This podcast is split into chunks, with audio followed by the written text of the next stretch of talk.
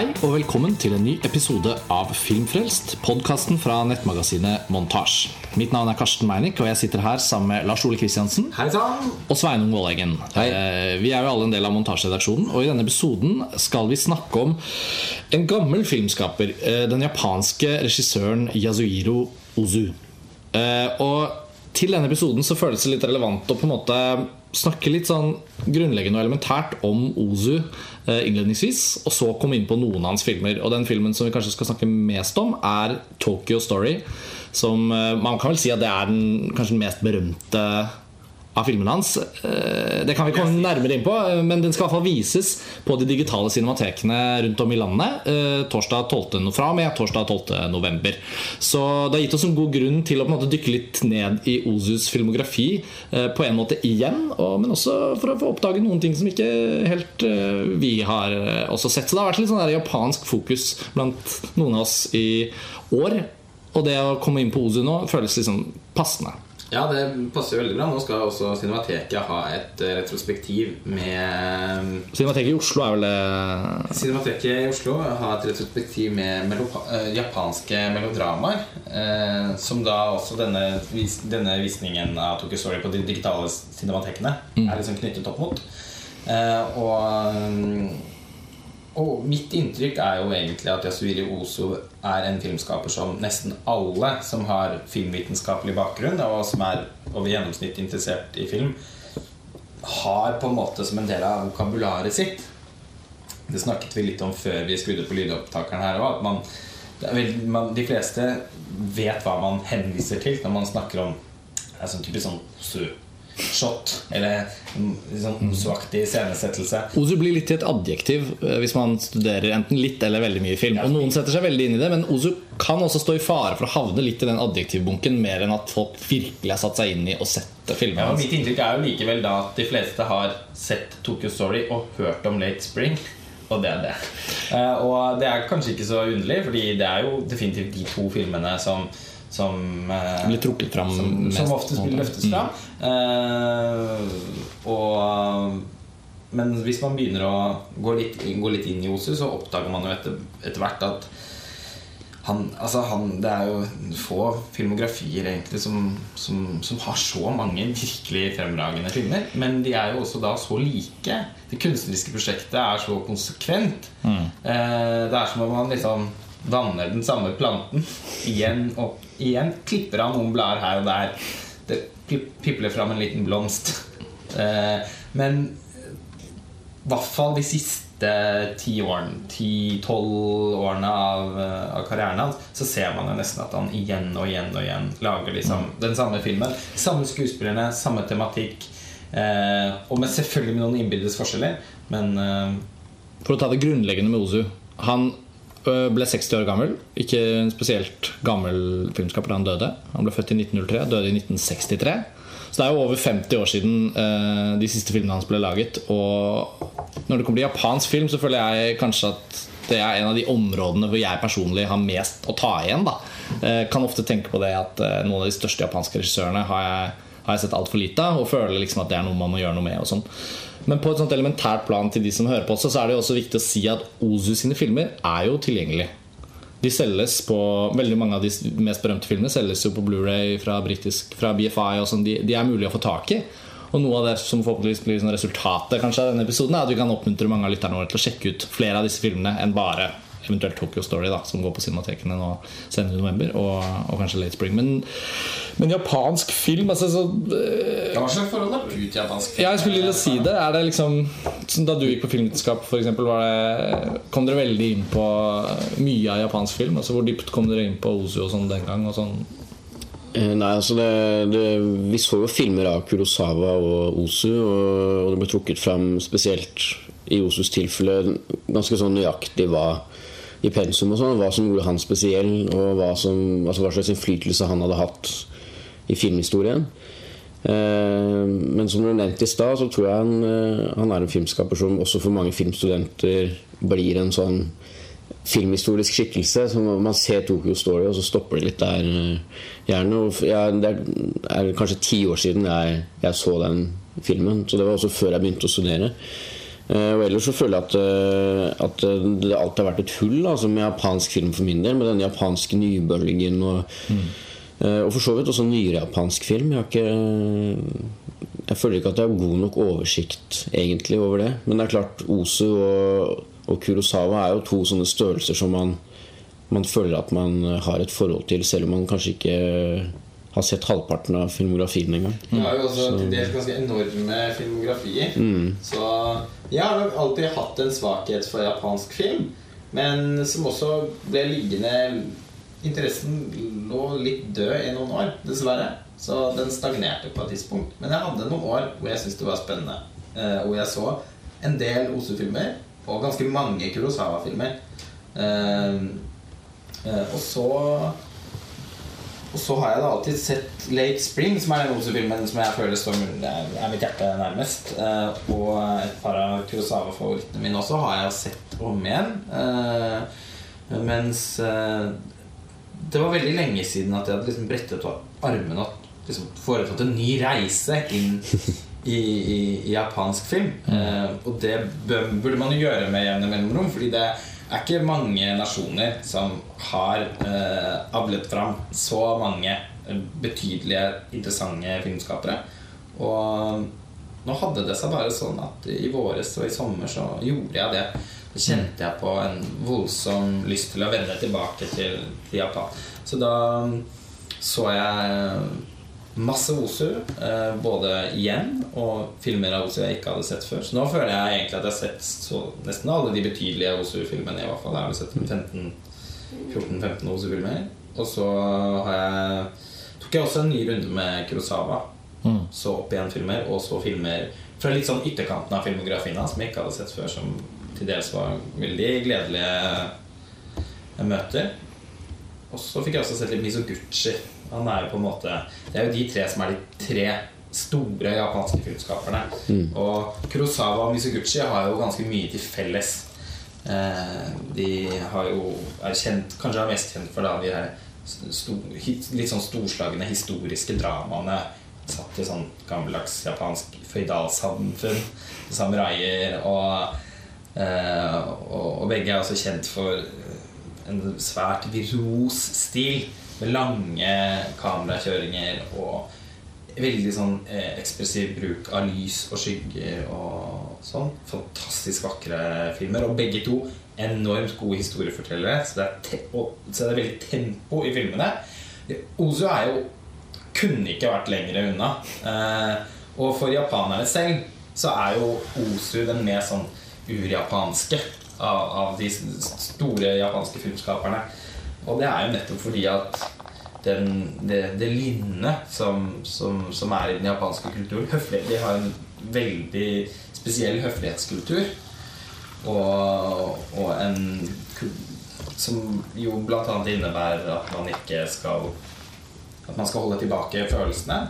Og eh, Osu fanger jo på en måte Tror jeg er en, en veldig autentisk altså måten japanere går hverandre i møte på. Og, og relasjoner mellom familiemedlemmer i Japan, så vil jeg jo tro at eh, Osu fanger veldig presist. da. Han lager jo de samme bitte, bitte små fortellingene om ganske vanlige familier. Stort sett. Nesten alle. Det er jo familien som er hans hovedmotiv.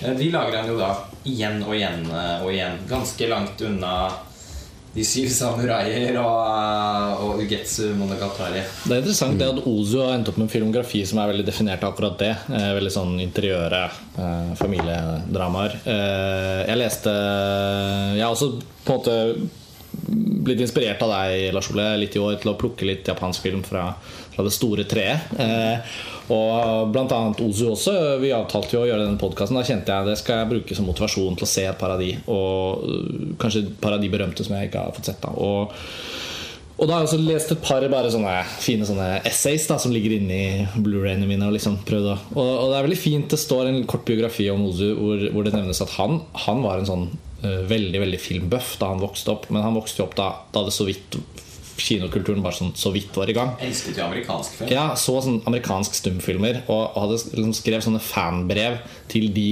gestalterne i kinoen som sto og leste høyt fra liksom tekstplakatene mellom stumfilm. Altså sånn der, på det nivået.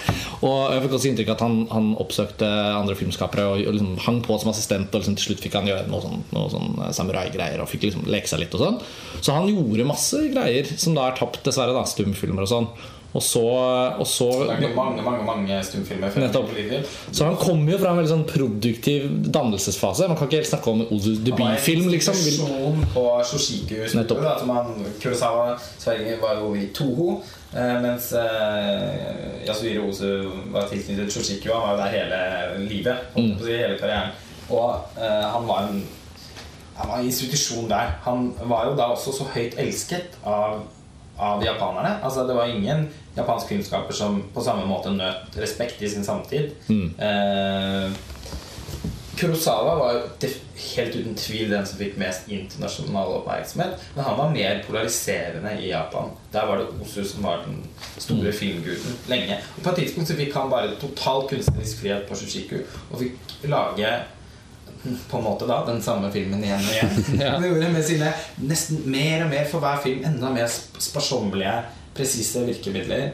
Eh, og de filmene lagde han da på en måte i en sånn total han, han hadde et, et, et, et rom på en måte hvor han fikk lage disse filmene helt uten forstyrrelser. Med de, stort sett med de samme skuespillerne og de samme folkene bak kamera.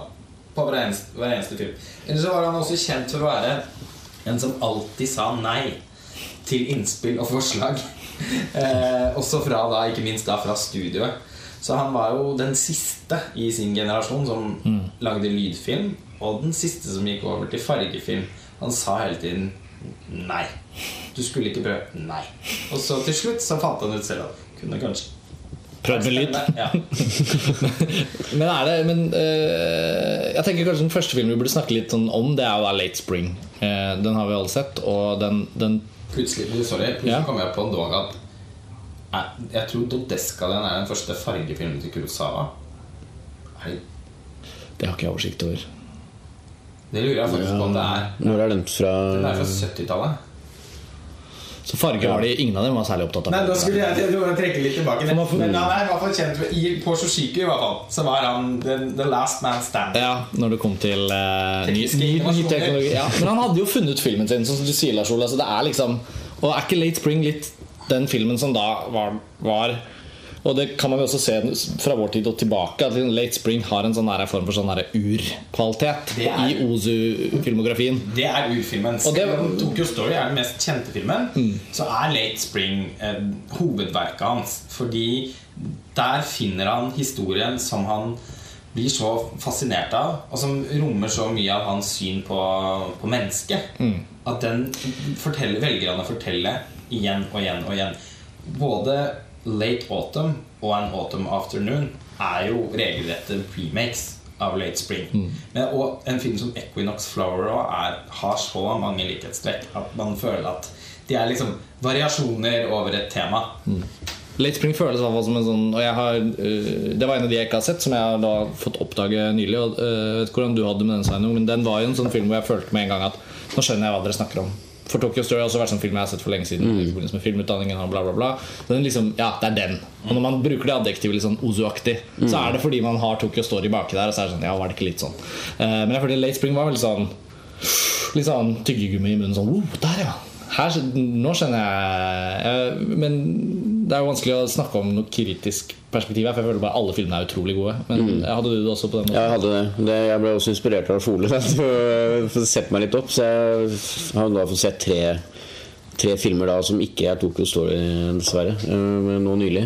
Men eh, Late Spring var den første, og, og jeg hadde det veldig på samme måte. At det um, Brikkene faller på plass, på en måte. Hvorfor, eller hva som Alt dette snakket, hva det, hva det dreier seg om.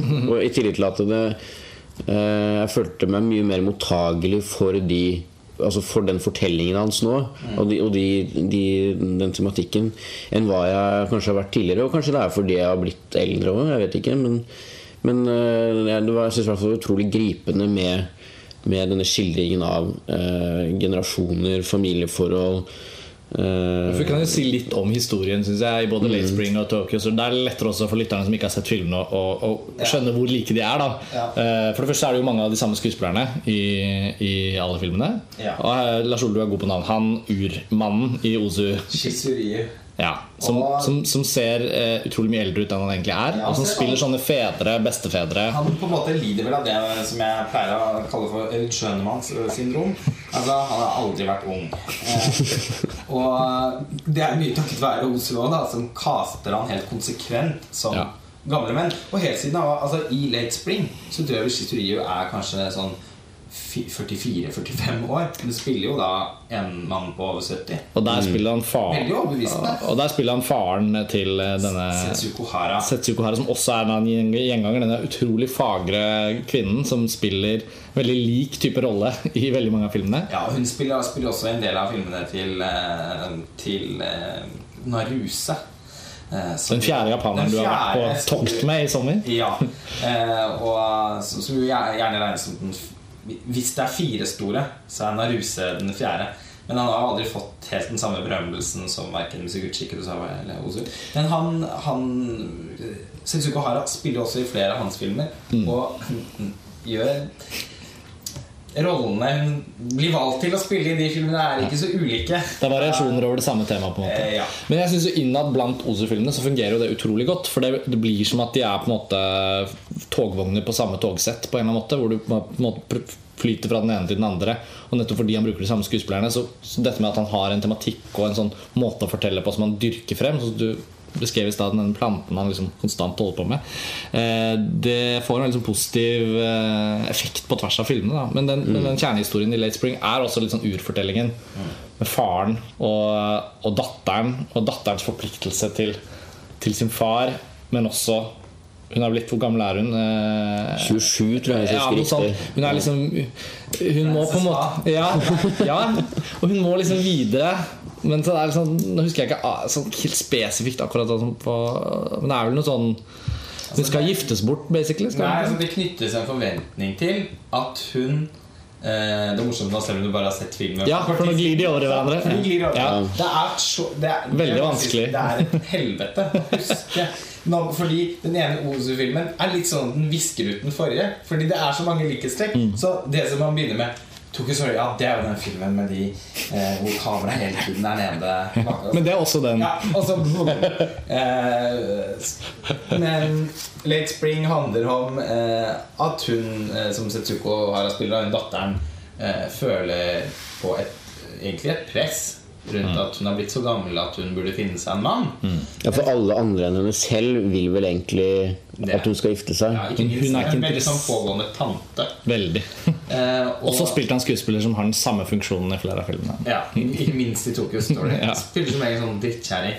Eh, men Og moren hennes er jo død, så hun har jo da levd alene med faren sin. Også da tatt seg hånd om han og på en måte Det er jo også nokså sånn tradisjonelle kjønnsroller, må man si, i Japan. I hvert fall på den tiden. Så det er også sånn at hun på en måte har fylt moren sitt tomrom i det huset. Eh, og hun er jo fortsatt veldig glad og veldig knyttet til faren sin og lever egentlig et liv som hun er veldig lykkelig med. Men fordi hun blir servert andres forventninger og ønsker for henne, så blir det jo også sånn at hun selv begynner å tenke at er, er den vellykketheten som jeg kjenner på, eller den roen jeg kjenner på, egentlig bare en illusjon? Er det noe jeg har grodd meg inn fast i? Mm. Så blir hun selv usikker på, og så begynner hun jo på en eller annen måte selv kanskje å å tenke at det også er mulig å, å, å leve livet på en annen måte nå som hun har blitt så gammel. Og så handler jo filmen det, det som er veldig gripende med den, for alle som har foreldre, og som er barn eh, selv, det er vel da De fleste. Ja. så, så, er, så er det det, det bruddet uh, som det representerer når hun flytter ut av huset. Mm. Tiden er inne. Generasjonskløften krever det. Det vil skje et skifte. umulig å ikke alle Det er umulig å ikke identifisere seg med, med det. Men særlig i Late Spring også, så er det jo også veldig rørende hvordan man sakte, men sikkert forstår at faren selvfølgelig også forstår dette. Og også tenker på hvordan han på en måte kan Han må jo på en måte bli alene eh, hvis det skal gå sånn at datteren kommer seg videre. Men han må også på en måte gi henne følelsen av at, hun, at, har, at det går greit for han. Og at ikke han skal bli etterlatt i ensomhet. Og liksom alle de små elementene i fortellingen som gjør at vi egentlig ikke nødvendigvis bare blir hos henne som en sånn hovedperson, men at vi får perspektivet til ganske Og det går fra film til film, føler jeg det er helt utrolig elegant gjort. At selv om biroller i fortellingene, fordi de er en litt sånn annen ikke helt i sentrum for historien, men de er en del av familien. Tante her, en venninne her. Sånn, sånn, så syns jeg deres perspektiver på det får en veldig sånn fristilt rolle. Det er ikke sånn at det bare skjer i lys av. Nei. Uh, og det er særlig i Late Spring jeg den farsskikkelsen hvor han enormt sakte blir mer og mer en person i fortellingen som man skjønner at ja, men han holder jo på. Han tenker jo sitt. Han jo, spiller jo noen sjakkbrikker her. For, sånn, sånn. Ja, nei, jeg synes Den filmen var helt fantastisk bra. Uh, og, og nå med Tokyo Story som, uh, som et sånt naturlig speil, da, siden, og den skal vi også gå inn på, uh, så føles det liksom sånn måten de historiene er like på, uten å være den, helt den samme fortellingen, måten de har det, der, det er noe av det absolutt mest sånn attraktive synes jeg, med å ha kommet litt mer inn i Ozu. Man får bare lyst til å se flere av de. For man tenker at at hvis alt er like bra, og hvis det blir mer av dette Og tematikken er så grunnleggende relevant. Liksom Familier, mødre, fedre, barn som skal liksom, og søskenflokker hvor folk er noen er litt selvopptatte, andre er veldig dedikerte. Altså sånn, det er bare Til og med Ofte dukker det opp noen barn nå som bare er rampete og løper rundt, og så tenker man ja, der er neste generasjon. De skal også Så appellen med, med Osos filmer er jo egentlig at det er så lett å speile seg i dem. Eh, Det er enkelt å identifisere seg. Det er en grunnleggende fortelling Menneskelige fortellinger som som, som, er helt, som også på en måte ikke er noe kulturspesifikke, egentlig. Jeg husker jo at når du hadde sett av Let's Spring tidligere i sommer, så husker jeg vi hadde en mailtråd fram og tilbake om den. Og ja, eh, mitt inntrykk var i at eh, at, ja, at vi ble grepet på veldig på den samme måten, da. Fordi eh, man kjenner seg igjen i det. Mm. Og så er det jo liksom, det film, og så er det jo liksom at filmspråket og Ozus stil i all sin liksom på en måte tilbake Eller sånn Det er jo ikke det at den er så flashy, eller det er jo ikke sånn at man bare er Flashy er den bestemt ikke. det, Nei, nettopp. Det var jo litt sånn for å skape en kontrast. Men samtidig så er jo stilen hans nesten helt sånn Man får jo en sånn Å, det er her det kommer fra. På, eller sånn Denne måten her liksom former scenene sine med kamera, men også med en sånn vi, snakket litt om det, Lars Ola. Sånn, og jeg jo, jobber jo litt som klipper og tenker ofte på dette med åh, skudd mot skudd. Ja ja, vi får vel gjøre det, da. En scene med to mennesker som snakker med hverandre, og det er dialog. Og så har vi liksom lagt oss Eller verdens filmspråk har lagt seg på denne. Ja, To vinkler, to ansikter, og så klippes det frem og tilbake. Det ser man overalt, liksom. Selv hos Ozu. Men så er det sånn ja, altså Ozu har jo perfo... Eller... Altså den, Når han da gjør det Han gjør det ikke veldig ofte, men når han da først gjør det, så er det sånn Det er så, det er, det er så mesterlig hvordan han liksom Ja, ok, det er liksom det store bildet, og hvordan hele rommet og alle bildene innenfor bildene liksom, vi kan snakke, liksom, Egentlig kan man jo bare det, er, det er jo en grunn til å ha skrevet utrolig mange bøker om akkurat det, men og så har liksom han lagt de to neblene. Da det sånn, da er det ikke over skulder litt skjevt på. Da har han denne rett på Altså sånn helt flatt 180 grader kamera står rett mot hverandre, på en måte eller sånn kamera da, eller ansiktene.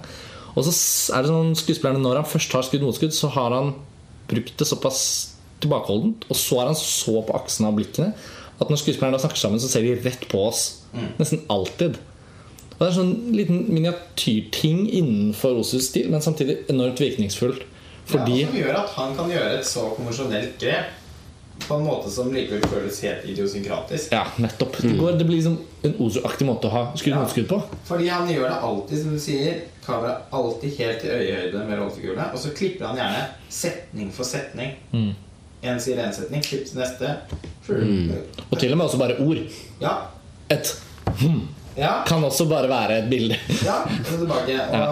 Og eh, i den, uh, Wim Wender, eller den dokumentaren til Wim Wenders om Ozu, 'Tokyo Ga', som for øvrig er en veldig bra film, syns jeg eh, En slags reisedagbok til Tok om Wim Wenders og fotograf Edward Lackmans reise til, eh, til Tokyo. Med minne om Osu sine filmer som bagasje. Og da intervjuer han fotografen hans. Og, og, som også var kameraoperatør for, for Osu I, ja, fryktelig mange år. Og han forteller da om hvordan Om hvordan Osu hadde noen sånn helt Deres arbeid gikk så på på en måte på autopilot. Fordi Osu ønsket seg alltid veldig mange av de samme tingene. da Filmene er jo, som vi har snakket om, ofte veldig like. Og Han var ikke så glad i endringer. Nei, og når han etter hvert hadde liksom fått perf perfeksjonert formen sin eh, og det er jo, Man kan faktisk se det litt i de aller siste filmene at der har han nådd et sånt komplett zen-nivå. Denne Mm. 'Autumn Afternoon' er jo et Altså, han kunne Det var den aller siste filmen han lagde før han døde. Den har ikke jeg sett faktisk ennå, en film hvor jeg føler at det formmessige er sånn totalt i sin senit. Uh, jeg vet at du har snakket om også, Jeg har sett det også, Svein, skal snakke litt mer om. Men uh, han i alle fall da Når jeg hadde funnet denne formen, som han fotografen sa, da var det, han visste alltid hva han skulle gjøre. Osu trengte nesten ikke å si noen gang. De kommuniserte veldig lite med ord. De bare anerkjentes hverandres eksistens. Osu skrøt, kom nesten aldri med skryt. Men hvis han først gjorde det, så betød det så mye at de liksom, som han sa, han kunne nesten begynte å gråte bare av tanken på det. Eh, og Det høres ut som en scene fra en Osu-film. Sånn, etter 30 år sånn Jeg syns du har gjort en veldig god jobb på mine filmer. Og så ja, Kanskje ikke det store. Det var mer Kurosawa. Nokså anetlignende. Ja. Som jeg vil si til Ura at de var mye mer polariserende i Japan, i Japan enn eh, enn det Men- Osu var. Men altså Autumn Afternoon, for den har ikke jeg sett. eh, fortell litt om den. Hva er det, for den er i farger. Men hva, hva, er, eh, hva slags film er det? liksom? Er lik som de andre? Den er ganske lik som Late Spring, i hvert fall. Ja. Men der er det Det er vel et større karakterregister og flere personer som blir involvert i, i mye av den samme fortellingen. Blant annet, eh, for det er igjen en far og, eh, og en datter. Eh, Som skuespiller som spiller faren Chisuri. ja, og sønnen hans har jo gifta seg og ganske nylig. Og det, de skildringene av det livet blant det nygifte paret er, er ganske morsom, syns jeg. Ja. Og hun, kona til, til denne sønnen er jo litt mer sånn pågående og, og initiativrik enn det, enn det sønnen er. Som, som litt oppfører seg som et voksen barn. Eh, til dels hjemme i denne veldig japanske leiligheten. Og litt med, med veldig sånn etterkrigsleiligheten. Ja. Det er jo en sånn er, man, det er veldig sånn Den er jo nesten sånn Iscenesetten er nesten litt sånn parodisk. En, en ny generasjon. Ja. Nye, det er noen sånne nye ting som bringes inn i huset. Og får en veldig betoning ja, Støvsuger. Ja. ja. Men eh, der, ja, jeg, jeg, altså, jeg, Nå har jeg bare sett Det er den og eh, og Floating eh, eh, Ja, Floating Wins som jeg har sett i farger. Men jeg føler at det er en veldig sånn han har en veldig glede over å bruke farger i de filmene. Og det er veldig sterke og klare farger. Eh, og liksom de her eh, bildene mellom eh, mennesker som prater, da, hvor, hvor det bare er klipp mellom altså, eh, noen vinduer eller et bilde ut mot en gate, et eller annet, så, så ser man tydelig at han har brukt liksom, farger med en veldig sånn glede og bevissthet. Eh, Ja, for Den virker jo utrolig bra, den òg. Uh, og det er litt sånn fascinerende at det er den siste filmen hans. Uh, jeg vet ikke om han da visste at han var døende da han lagde den. Sånn, det har jeg ikke kjennskap til. Men, men uh, at han liksom ja, disse, For de er jo så kontemporære også i sin tid. Ja, det er de. Eh, Fra det Japan altså Etter andre verdenskrig så er jo filmografien til Ozu veldig distinkt. Og det er vel en ganske tydelig forskjell fra, fra ja. 30-tallsfilmene Ja. hans.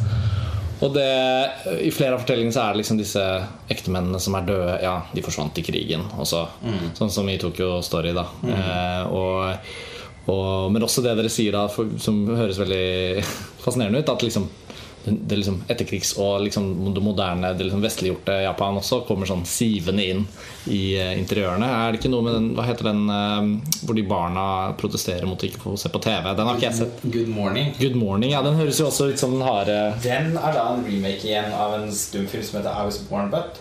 Eh, men uh, En av hans egne?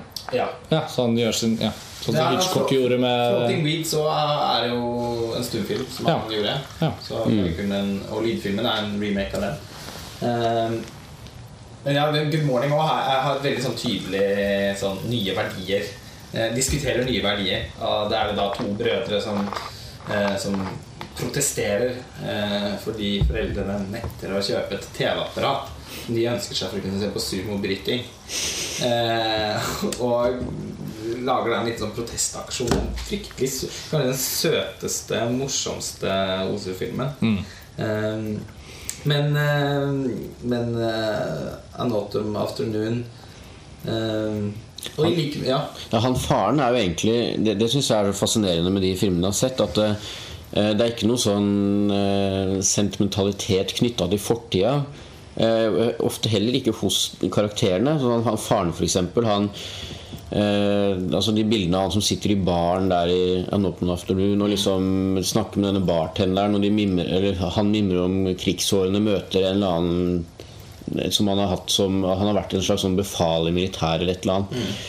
Og så mimrer, du sitter og mimrer og sånn, men det er, det er samtidig ikke noe sånn han, han streber heller ikke mot liksom, nåtiden. Så liksom den der blandinga altså, Kulturen som forandrer seg i Japan og sånn, det, det handler også om den tematikken rundt det handler også om at det er mennesker som har liksom innfunnet seg med at det, det har kommet en ny tid. Da. Ja, Og sånn er det jo veldig- banaldiskutert. Fordi, og, og, er, og er det noe som er en gjennomgangstematikk i filmene, ved siden av bare å, skildre familierelasjoner, så er det jo generasjon, en generasjonskonflikt. Det er han veldig opptatt av. Og eh, hvordan etterkrigstidens eh, Japan Japan var jo da en, en kultur som har holdt fram til andre verdenskrig holdt, i veldig forbløffende grad holdt fast på liksom sin, tradisjonene sine, på verdiene sine.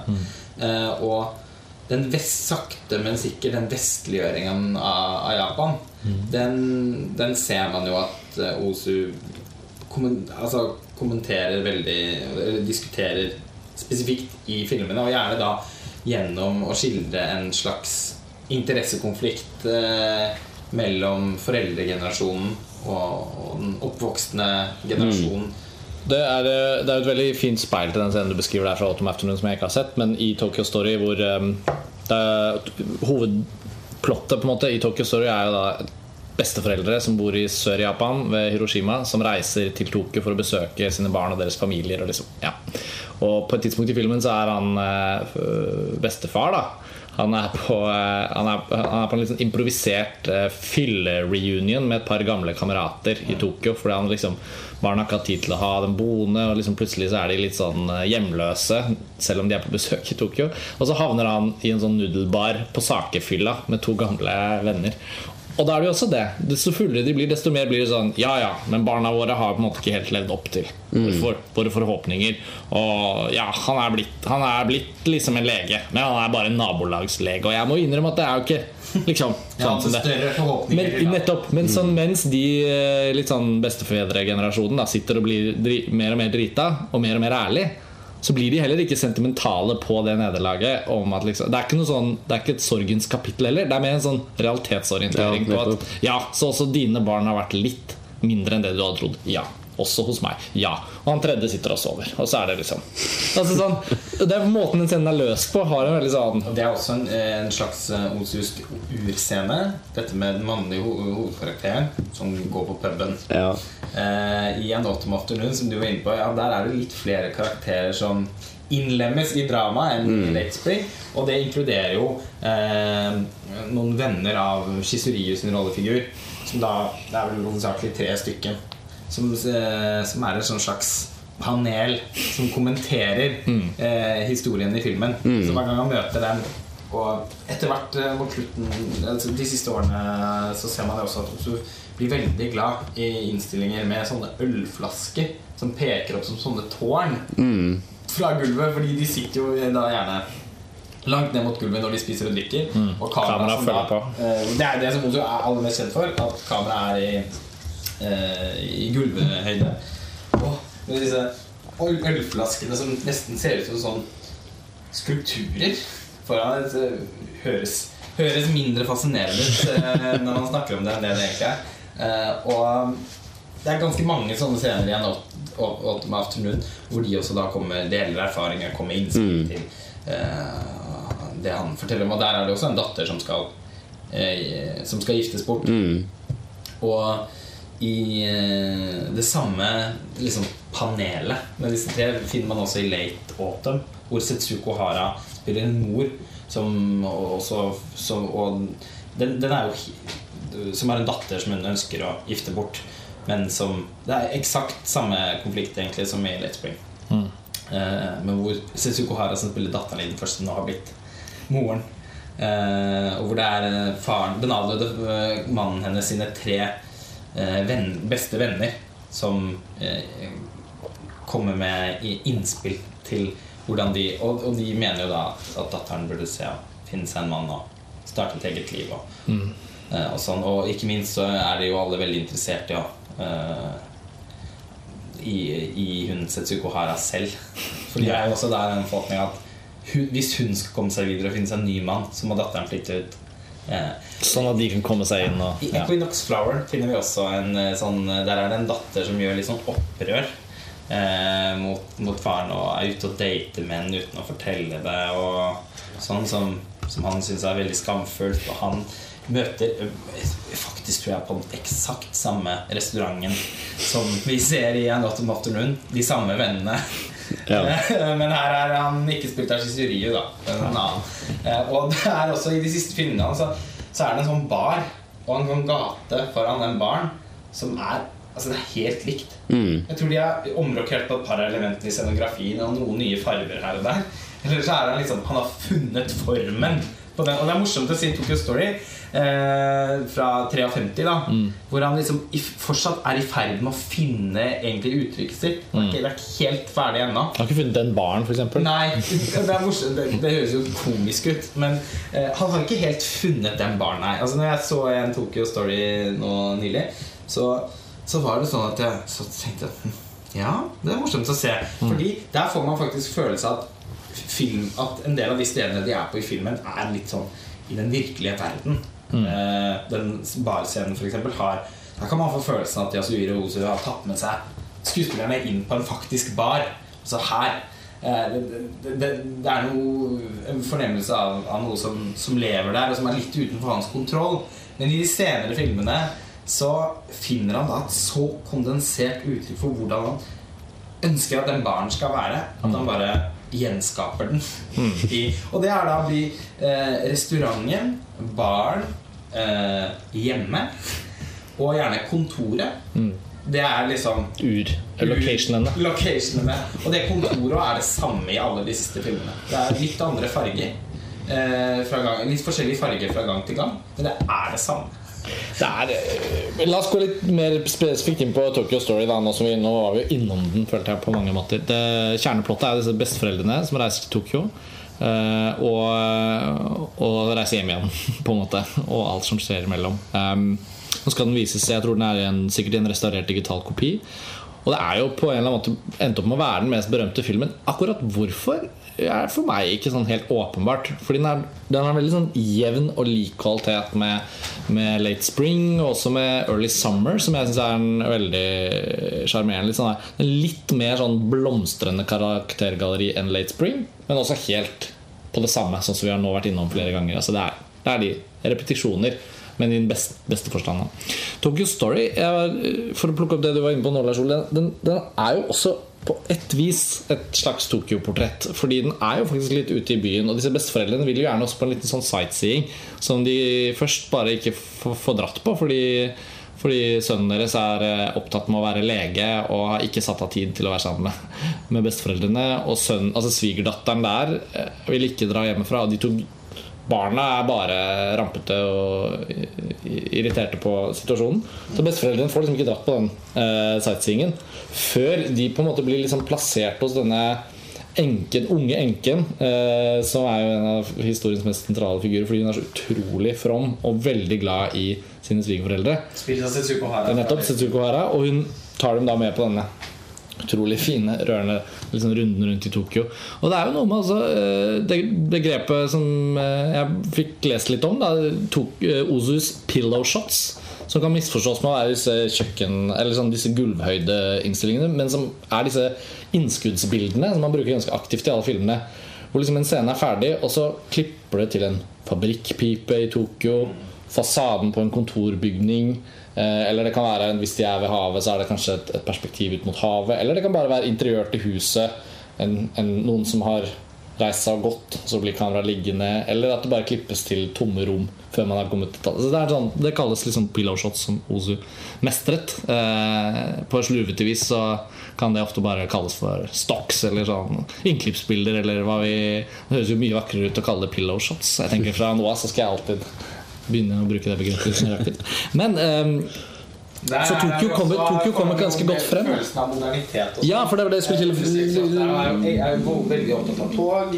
Sånne telefonlinjer og strøm... Nettopp. Og han er ganske god på å liksom sette opp et lite sånt pillow-shop av bygningen hvor det kommer en scene på innsiden. Siloer, sånne vanntårnlignende bygninger og sånne, er han industribygninger. Og det føles ikke tilfeldig. Det føles jo ikke tilfeldig Det føles som en sånn veldig subtil del av fortellingen. Så liksom sånn, husk nå at dette Og da tenker jeg Hvis man prøver å se det med 1953-øyne, da sånn som i Tokyo Story, så er det sånn Etter andre verdenskrig så var det også sånn at amerikanerne holdt Japan under en okkupasjon. Husker ikke hvor mange år, men en god del år. Det var en sensur på, liksom, på hva som ble gjort på filmer. Og husker jeg leste det etter å ha sett 'Drunken Angel' av Kurosawa. Liksom, ja, det var liksom sånn Det er en Yakuza-historie, og liksom sånn og sånn men det var også sånn i det klima hvor på en måte amerikanerne passet på litt. At det var ikke bare bare å liksom få fortalt sånn eller sånn.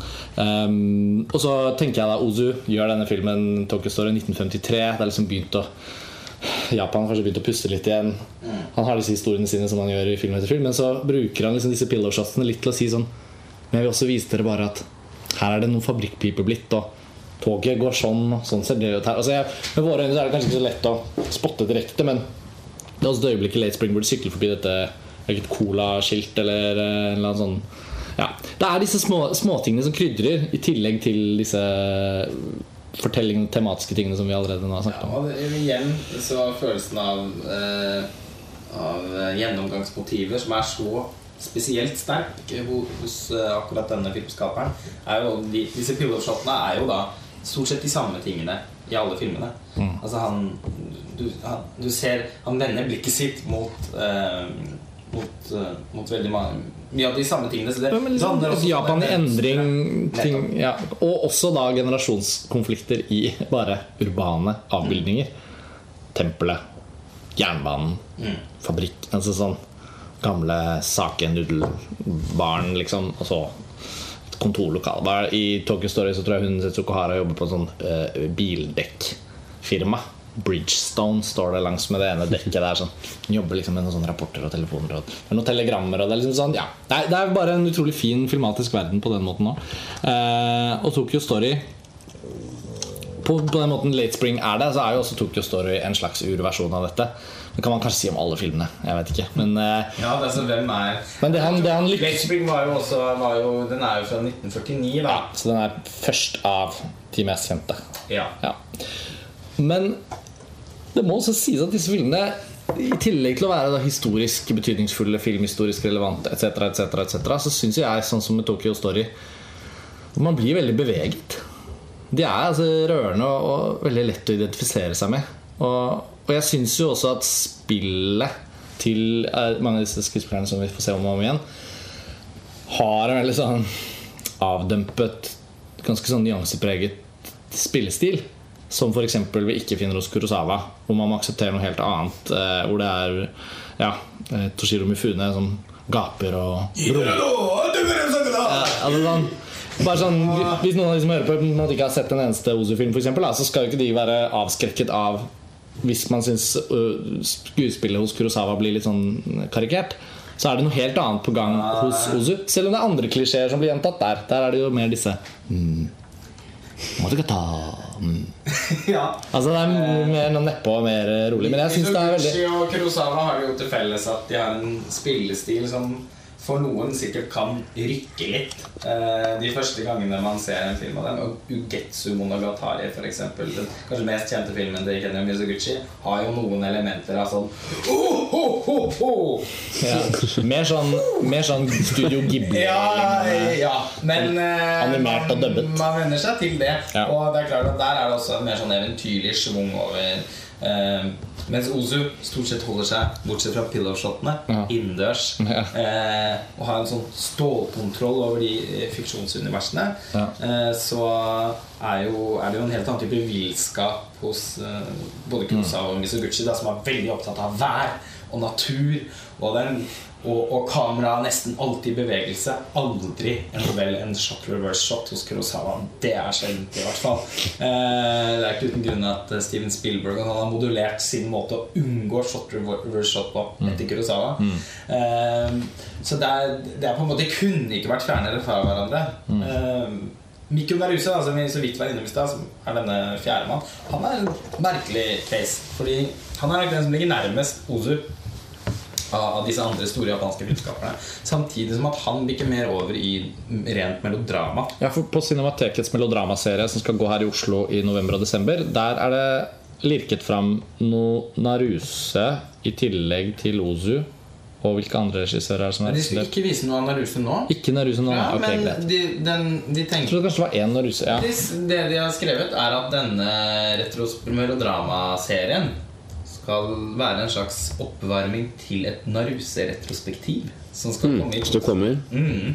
Så det, da Ja, det må alle kjenne sin besøkelsestid. For det er filmer som er virkelig kan være fryktelig vanskelig å få tak i. Eh, Jeg har punget ut ganske mange eh, penger eh, for å få has på noen av de jeg har, sett. da Eh, i, i, så, så det vil jeg anbefale folk å gripe anledningen til å få med seg. Men, eh, men som sagt, Naruse, eller Naruse, som man egentlig Nå har det bare blitt tatt til at det er så mange som sier Naruse. Ja. Egentlig uttales det Naruse? Naruse. Okay. Akkurat som det heter ikke Kurosawa, men Kurosawa. Oh, ja, ok. Det blir vanskelig å avvenne seg. Men Ja, det er litt vanskelig for Naruse. Det er noe med Jeg er helt rusa på Naruse. Det klinger så bra. Eh, Men Naruse må jeg egentlig prøve å si, da. Han eh, er jo litt på en måte en sånn Japans fastbinder. Eller Douglas Sirk. Eh, nesten alltid med kvinnelige hovedkarakterer eh, som gjennomgår en rekke prøvelser, og som som oftest eh, ikke lykkes med å overkomme dem. Eh, det er en det er noe veldig menneskelig over fortellingen hans. Eh, og så sånn sett så Og han kan ofte ha en Hans nærhet til rollefigurene sine kan være veldig mye mer intens enn Osu, som også strengt tatt hele tiden holder oss litt på avstand. Eh, I tråd med den japanske kulturen som han skildrer. Mens, uh, mens uh, Naruse legger oss liksom litt mer sånn ned i gjørma sammen med, med hovedkarakterene. Um, men, men det, på sett og vis er det vel likevel kanskje ikke som har litt til felles. Og de bruker jo begge altså Hideko Nei, ikke Hideko Nakamine. Uh, Setsuko Hara er jo da eh, Hun er Osus muse, men hun eh, spilte jo mange av Naruses sine filmer. Men det melodramatiske, eh, som du nå er inne på med, med Naruse eh, Og serien til Cinemateket har jo det som, som uh, hovedfokus. Og da, er det, da viser de av Ozus filmer. Så viser de Late Spring og Floating uh, Weeds, blant annet. Eh, Floating Weeds har jo jeg heller ikke sett, men den har begge dere sett. Altså, jeg syns jo ikke Ozu er spesielt melodramatisk i, i film, eller sentimental i filmene, men jeg syns de er rørende. Og grunnen til at jeg synes de er rørende, føler jeg er jo utelukkende fordi jeg kjenner at man kommer så nært så gjenkjennelige sånne urmenneskelige ting. Fedre, døtre, mødre, familier. Smertefulle ting.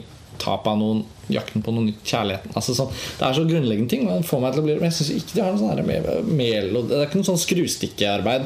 Selv om man altså bruker musikk, men det er veldig subtilt. Sånn. Er det bare Floating Weeds hvis den er liksom en mer et melodrama? Hva er det som skiller den fra de andre Ozu-filmene? Hvis det er noe som skiller den veldig fra Ja, ja, jeg tenker ikke på den som mer et melodrama enn de andre har sett. Men jeg, jeg tenker jo likevel på eh, de filmene vi nå har snakka om av Osu, som, som melodramaer. Jeg mener mer at han, sjanger er ja, enig men... jeg mener mer at han liksom er eh, et av de klareste eksemplene i filmhistorien på at man kan lage et melodrama nettopp uten å være sentimental.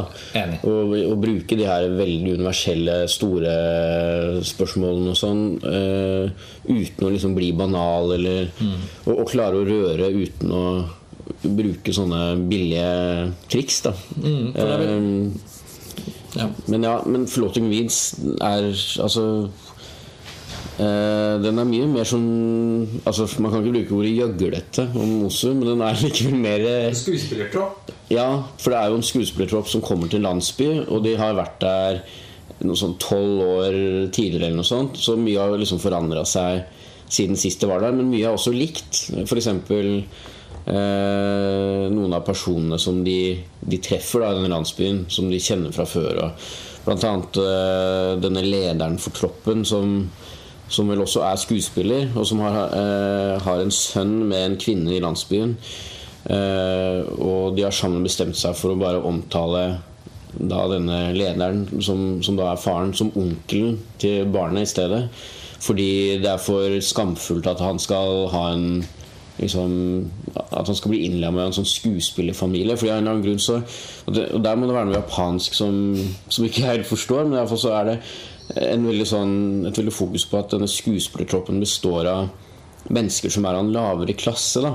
Og det kan også handle om at eh flere av de skuespillerne visstnok var horer før denne lederen for troppen tok de inn i varmen. At det handler om de spesifikke personene, og ikke liksom skuespilleryrket som sådan. Men i hvert fall så eh, er det på en måte det som er det sterkeste sånn melodrama-aspektet i den filmen. Da, dette forholdet mellom denne onkelen, som egentlig er faren, og hans begeistring for sønnen. Eh, og at han oppfører seg som en far overfor han, og sånn, men, men vil samtidig ikke fortelle at han er faren. da og så blir det mye sånn intriger uh, med, altså, med, denne kvinnen han nå har et forhold til, at hun blir sjalu. Og, ja.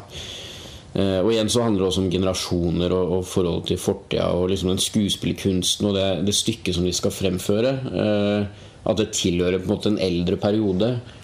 Og han lederen for troppen vil ikke helt liksom, innfinne seg med det. Da.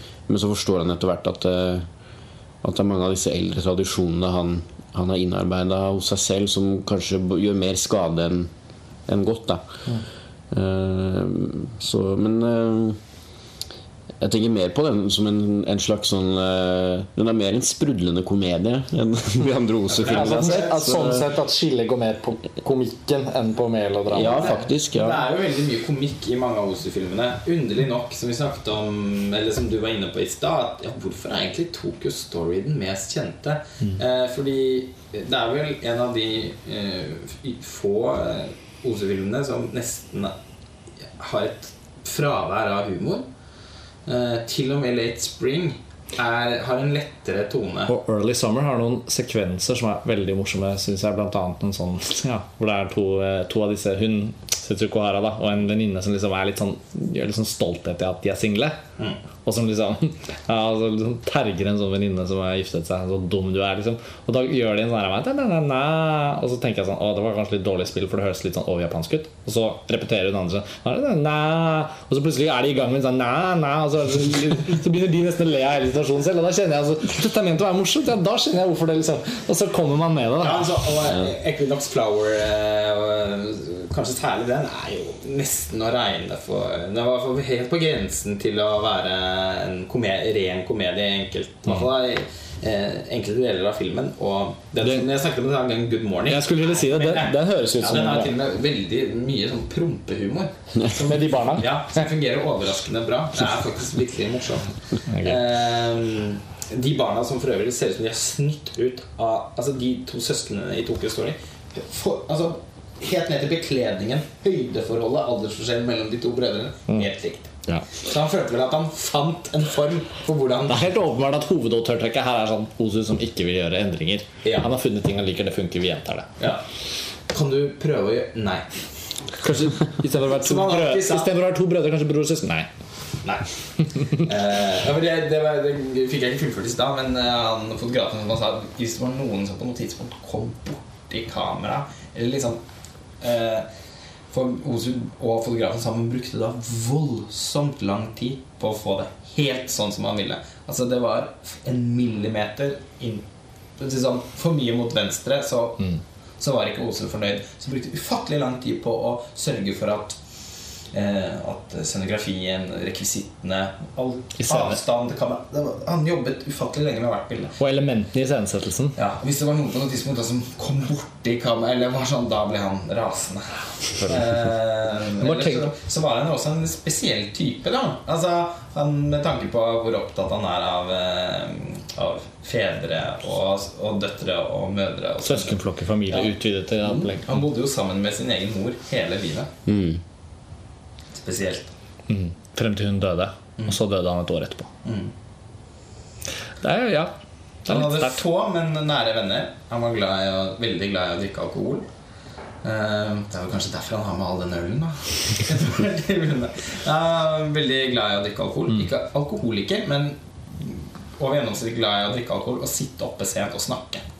Og han er manusforfatteren som han jobbet veldig tett med i store deler av karrieren. Jobbet sammen bare fordi egentlig også at de syntes det var så gøy å snakke om ting sammen. Mm. Så de ble ofte, manusene ble ofte til ved at de bare satt oppe på natta og drakk. Men manusene her er jo også faktisk Bare nå har vi ikke vært inne på det, da. Det er, jeg syns det er fantastisk hvor på en måte Hvor konstant sånn Det fins en sånn Det er noe dramatikk på kokeplaten på en måte hele tiden. Jeg føler liksom at ganske tidlig i filmene så er man sånn Ok, så det er, ja, det er hun skal henne, ja, mm, og noe, noen har lyst til at hun skal gifte seg, ja greit, ok, og så er det noen andre, og så er det noen kollegaer. Så liksom, det spinnes i gang ganske raskt. Men samtidig så er det jo aldri sånn at det er denne ropingen og skrikingen og hylingen og sånn Nå må dramaet Nå må vi gire opp, nå må vi gire opp. Det er som om liksom han har liksom lagt fortellingene sine på et sånn spesifikt nivå. Og så er han ganske opptatt av å vise sånn små hverdagsligheter knyttet til kanskje en dialogscene som skal være litt dramatisk. da At det skal fortelles noe. Eller sånn 'nå må du', eller sånn.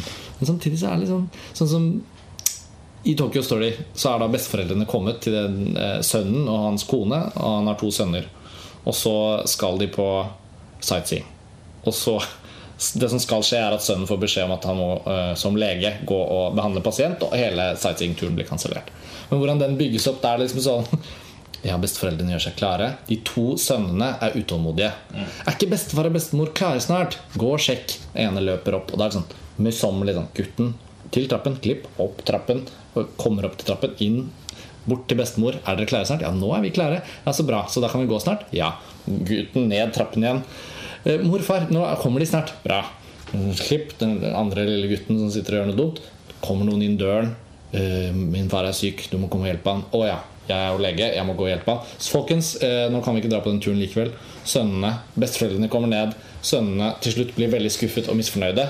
Og det er det vi skal frem til, er at de to barna skal få lov å få sin Og da er det plutselig de som er i fokus, det er ikke de birollefigurer. Da skal liksom de inn på et eget rom hvor de sitter og er sure. Surmuler, furter. Bestefar Ja ja, da ble det ikke noe sightseeing. Han går og setter seg. Bestemor kommer. Skal vi gå ut en tur, sier hun til den minste gutten. Tar med seg gutten ut. Mor Det er mange sånne elementer, og ganske omstendelig. Og på en måte det er det dramatisk historie, men også veldig sånn tålmodig. Det skal sies, det skal sies, det skal sies. Og så kommer skrustikka.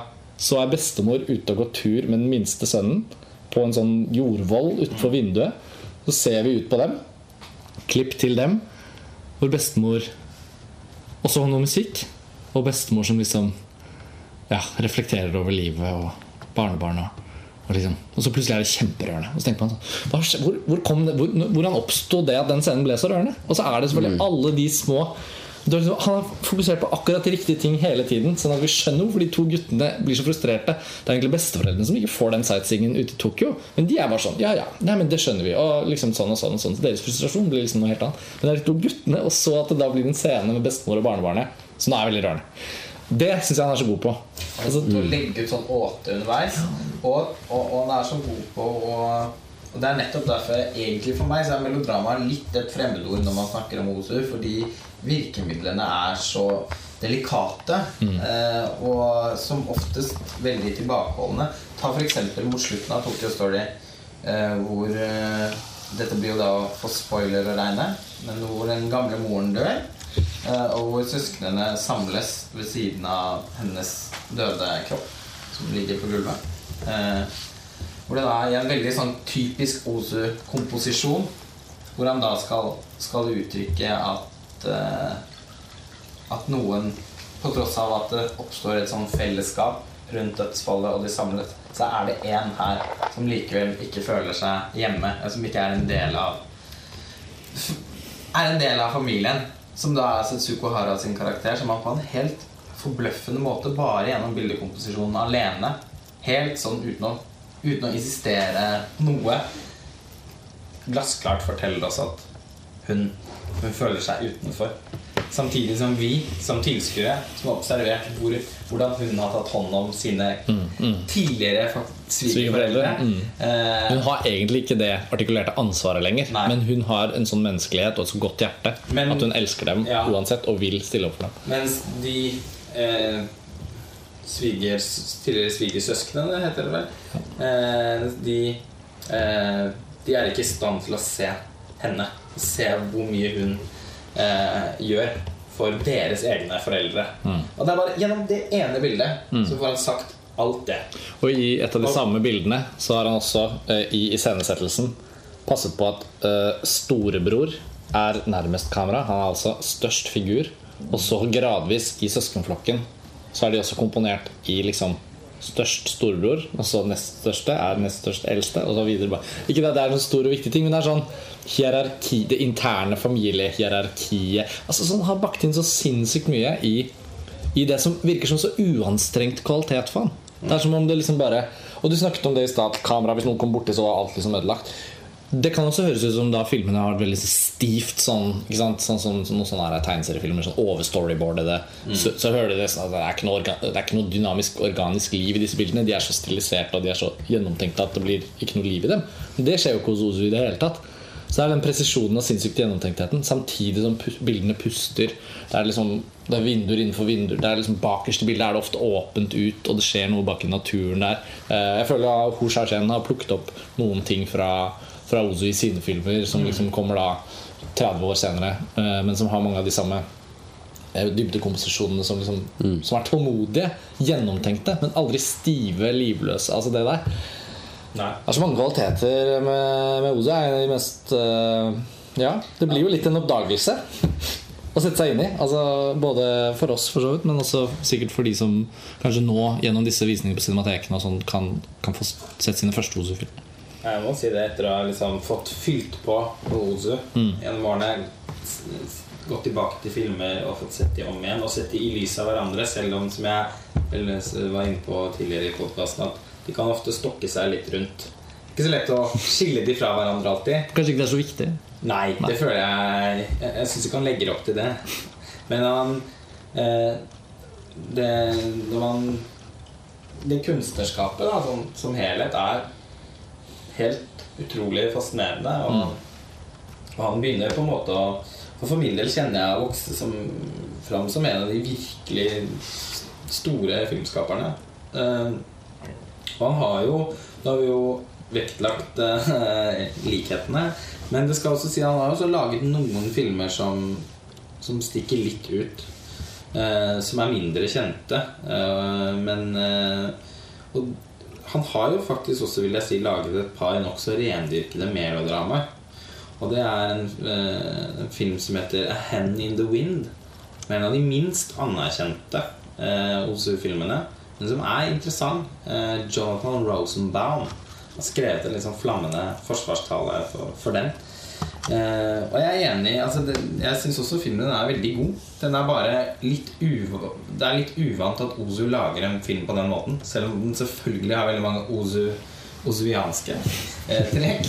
Eh, så, så, så har den en mer sånn tradisjonell melodramatisk oppskrift. Som kan minne om eh, Mikko Naruse.